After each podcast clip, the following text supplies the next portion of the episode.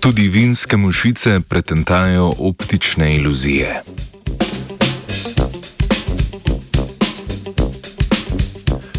Optične iluzije znanstvenikom in znanstvenicam pomagajo razumeti, kako svet okoli nas interpretirajo možgani. Raziskovalna skupina z Univerze Yale je na vinski mušici pokazala, kateri nevroni se vzburijo ob pogledu na optično iluzijo in posledično vplivajo na napačno zaznavo nekega vzorca. V bolj preprostem vezi od človeškega, torej v možganih vinske mušice, so ob pogledu na statično sliko zabeležili aktivacijo nevronov za zaznavanje gibanja. Iz tega sklepajo, da so tudi vinske mušice statično sliko videle, kot bi se premikala.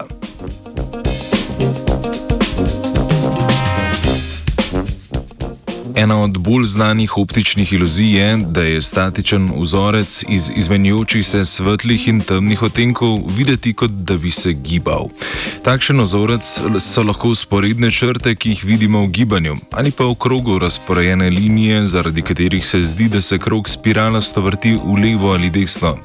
Smer v tem primeru ni po nepomembna, saj je, kot so pokazali na primeru vinske mušice, posledica vzburjenja vidnega živca T4 ali T5.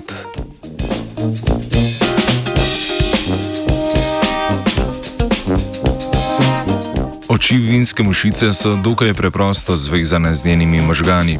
Svetloba potuje prek fotoreceptorjev v očesu, bodi si po poti on ali pa poti off. Na tem mestu se analizira signal v prostoru in času.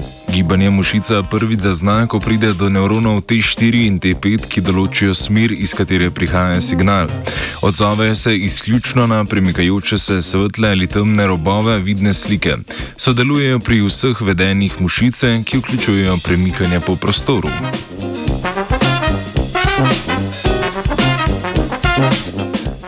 Razlog za delovanje optične iluzije z izmenjujočimi se odtenki svetlih in temnih delov na robovih slike je izmenično zburjenje nevronov T4 in T5, kar možgani razumejo kot gibanje.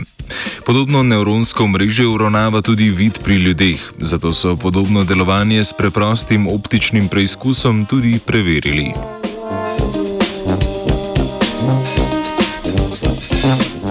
Ko so se oči ljudi v raziskavi navadile na navidez gibajoče se svetle in temne ozorce na robovih, so lahko z osredotočanjem pogleda na točko izven slike manipulirali smer, v katero se je slika premikala. Iz tega sklepajo, da so tudi pri ljudeh aktivni podobni nevroni, kot sta T4 in T5, ki ob izmenični aktivaciji vplivajo na našo interpretacijo smeri gibanja v sicer statičnem ozorcu.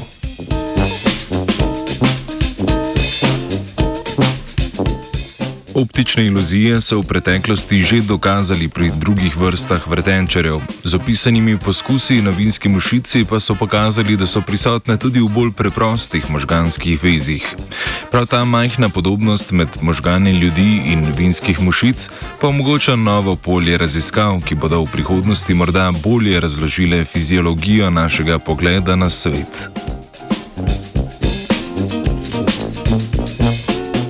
Z vinskimi mušicami je gledala Urša.